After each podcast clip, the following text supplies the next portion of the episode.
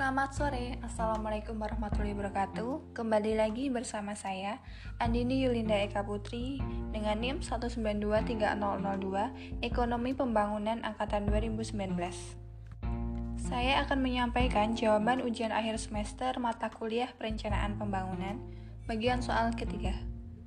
Langsung saja kita ke poin A Sistem Perencanaan Pembangunan Nasional Indonesia berdasarkan Undang-Undang Nomor 25 Tahun 2004 menggunakan pendekatan politik, teknokratik, partisipatif, dan proses top-down dan bottom-up.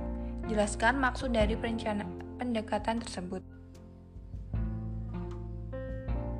Oke, untuk pendekatan yang pertama ada pendekatan politik merupakan pemilihan presiden atau kepala daerah menghasilkan rencana pembangunan hasil proses politik yang khususnya penjabaran visi dan misi dalam RPJM atau D.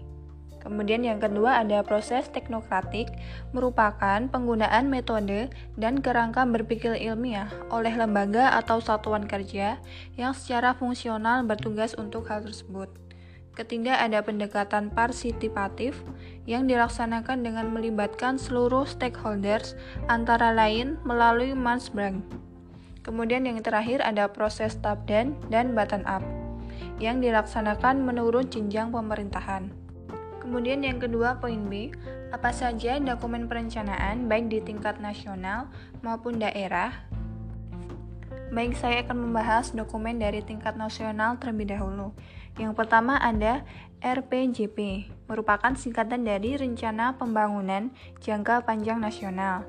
Yang kedua ada RPJM, merupakan singkatan dari Rencana Pembangunan Jangka Menengah Nasional. Ketiga ada Ranstra Kementerian atau lembaga yang sering kita singkat dengan Ranstra KL. Keempat ada Rencana Kerja Pemerintahan atau sering disingkat dengan RKP. Terakhir, ada rencana kerja kementerian atau lembaga, disingkat dengan Renja KL. Selanjutnya ada dokumen untuk tingkat daerah. Yang pertama ada RPJP daerah, singkatan dari Rencana Pembangunan Jangka Panjang Daerah. Kedua ada RPJM daerah, singkatan dari Rencana Pembangunan Jangka Menengah Daerah. Dan ketiga ada Renstra, Satuan Kerja Perangkat Daerah atau disingkat dengan Renstra SKPD. Keempat ada Rencana Kerja Pemerintah Daerah disingkat dengan RKPD. Yang terakhir ada Rencana Kerja Satuan Kerja Perangkat Daerah atau disingkat dengan Renja SKPD. Kemudian yang terakhir poin C, jelaskan gambar 3.1 pada soal.